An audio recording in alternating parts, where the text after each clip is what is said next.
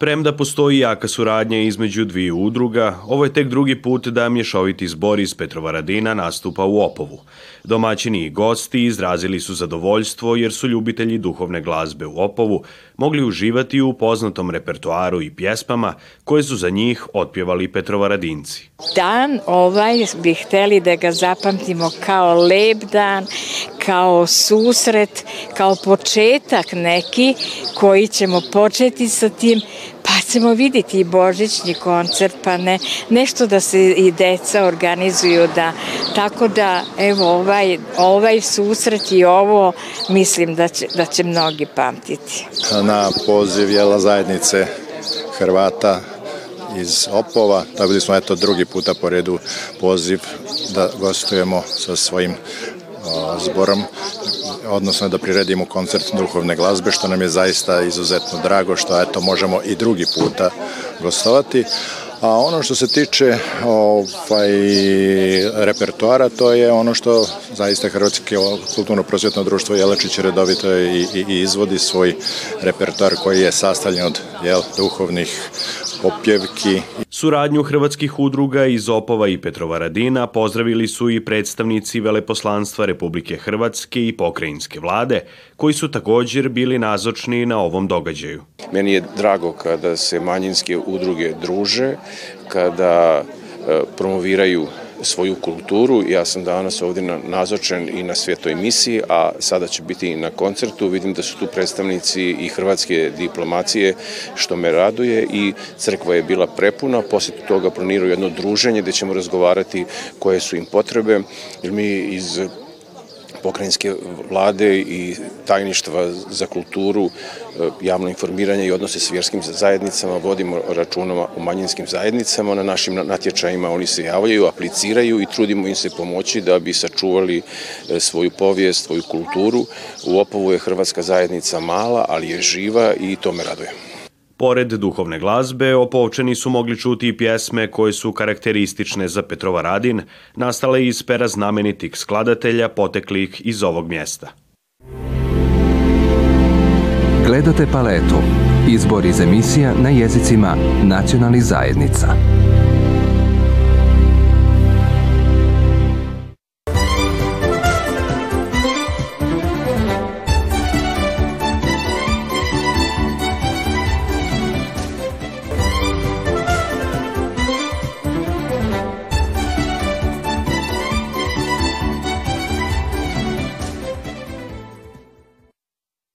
Veliki broj vjernika i hodočasnika okupljenih u Beogradskoj crkvi Svetog Antuna Padovanskog posvjedočio je da je skoro 800 godina nakon njegove smrti Sveti Ante jedan od omiljenih svetaca među ovdašnjim vjernicima. Mislim da je Sveti Anton zato popularan jer je bio jako blizu Isusa, znači živeo je iz te duboke vere, učinio je već za svoga života nekoliko čuda koja su bila eh, poznata u njegovoj sredini, a i šire – a posle njegove smrti kažu da je od toku pola godine dogodilo se toliko čuda da je papa deset meseci posle smrti već ga proglasio svecem.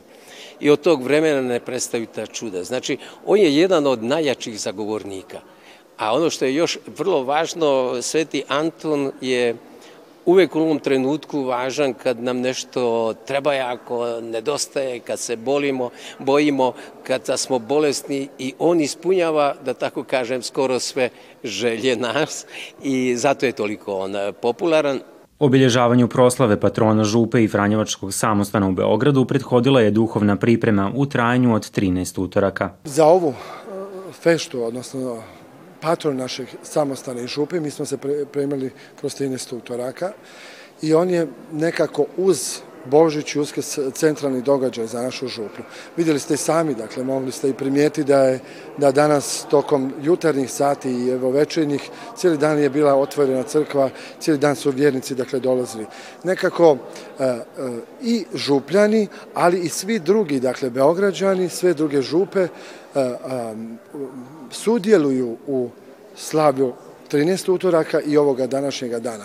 I e, nije, dakle, nije uzaludno to što su neki drugi rekli da on dakle sveta cijeloga svijeta. U svoje vrijeme Sveti Ante bio je poznat po mnogim društvenim promjenama, a na njih crkva može imati utjecaja i danas. Kršćanstvo kao religija dobra, kao religija koja izistira na istini i pravednosti, uvijek može biti snažan korektiv političkom djelovanju, može biti inspiracija za mnoge odluke, može biti povodom za donošenje brojnih zakona, vrijednostni sustav može biti, kako bih rekao, potrebni, potreban okvir za e, pravne, pravne usuze i norme ponašanja u tom smislu svako vrijeme ima svoje izazove, složit ćemo se, ali E, izazovi kojima danas svjedočujemo mislim da mogu biti kada je u pitanju život i dijelo Svetog Antuna i više nego njegov poziv inspirativnom kako bi mogli i danas e, vođeni njegovim idejama, njegovim djelovanjem saobražavati svoje postupanje kako bi se mir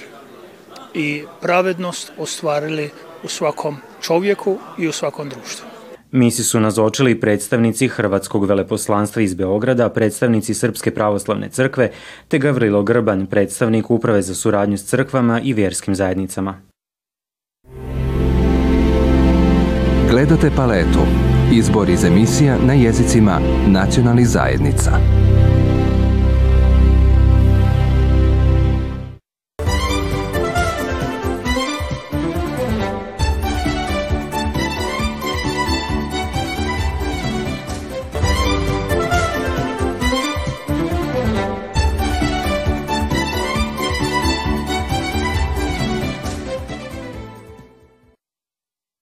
Novosadska publika ponovno imala priliku vidjeti izložbu subotičke umjetnice Ružice Miković-Žigmanov.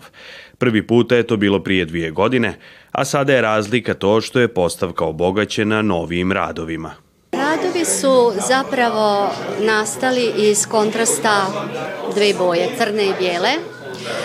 Naprosto sam htjela da istražim e, šta mogu dobiti e, kroz minimum da tako kažem, e, boja i e, na mini formatu šta mogu izvući, kakvu priču i eto dogodilo se da puno radova koji su prošli neku verifikaciju i zaslužili da se izlože. Znači kontrast crno i bijele, ali moja je težnja da zapravo bijela dominira. Ružičini crteži nakon dubljeg uvida mijenjaju svoju perspektivu i prilagođavaju se promatračevu senzibilitetu. Njezina dijela asociraju na kratke priče o kojima svatko od nas donosi vlastiti zaključak. Imao sam čas da o, ovu izložbu, ove, ove radove pratim od samog početka e, i na neki način smatram da je gospođa Ružica doživjela jednu vrstu vrlo dobrog napretka koji je rezultirao ovom izložbom.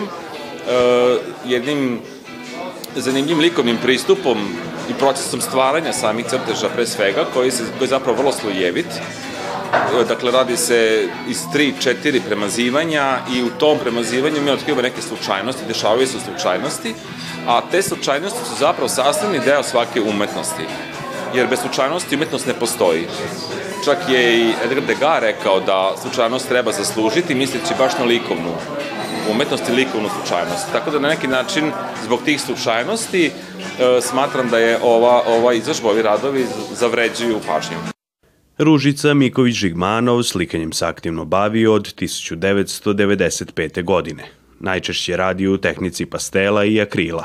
Od 2011. članica je Hrvatske likovne udruge Cro Art –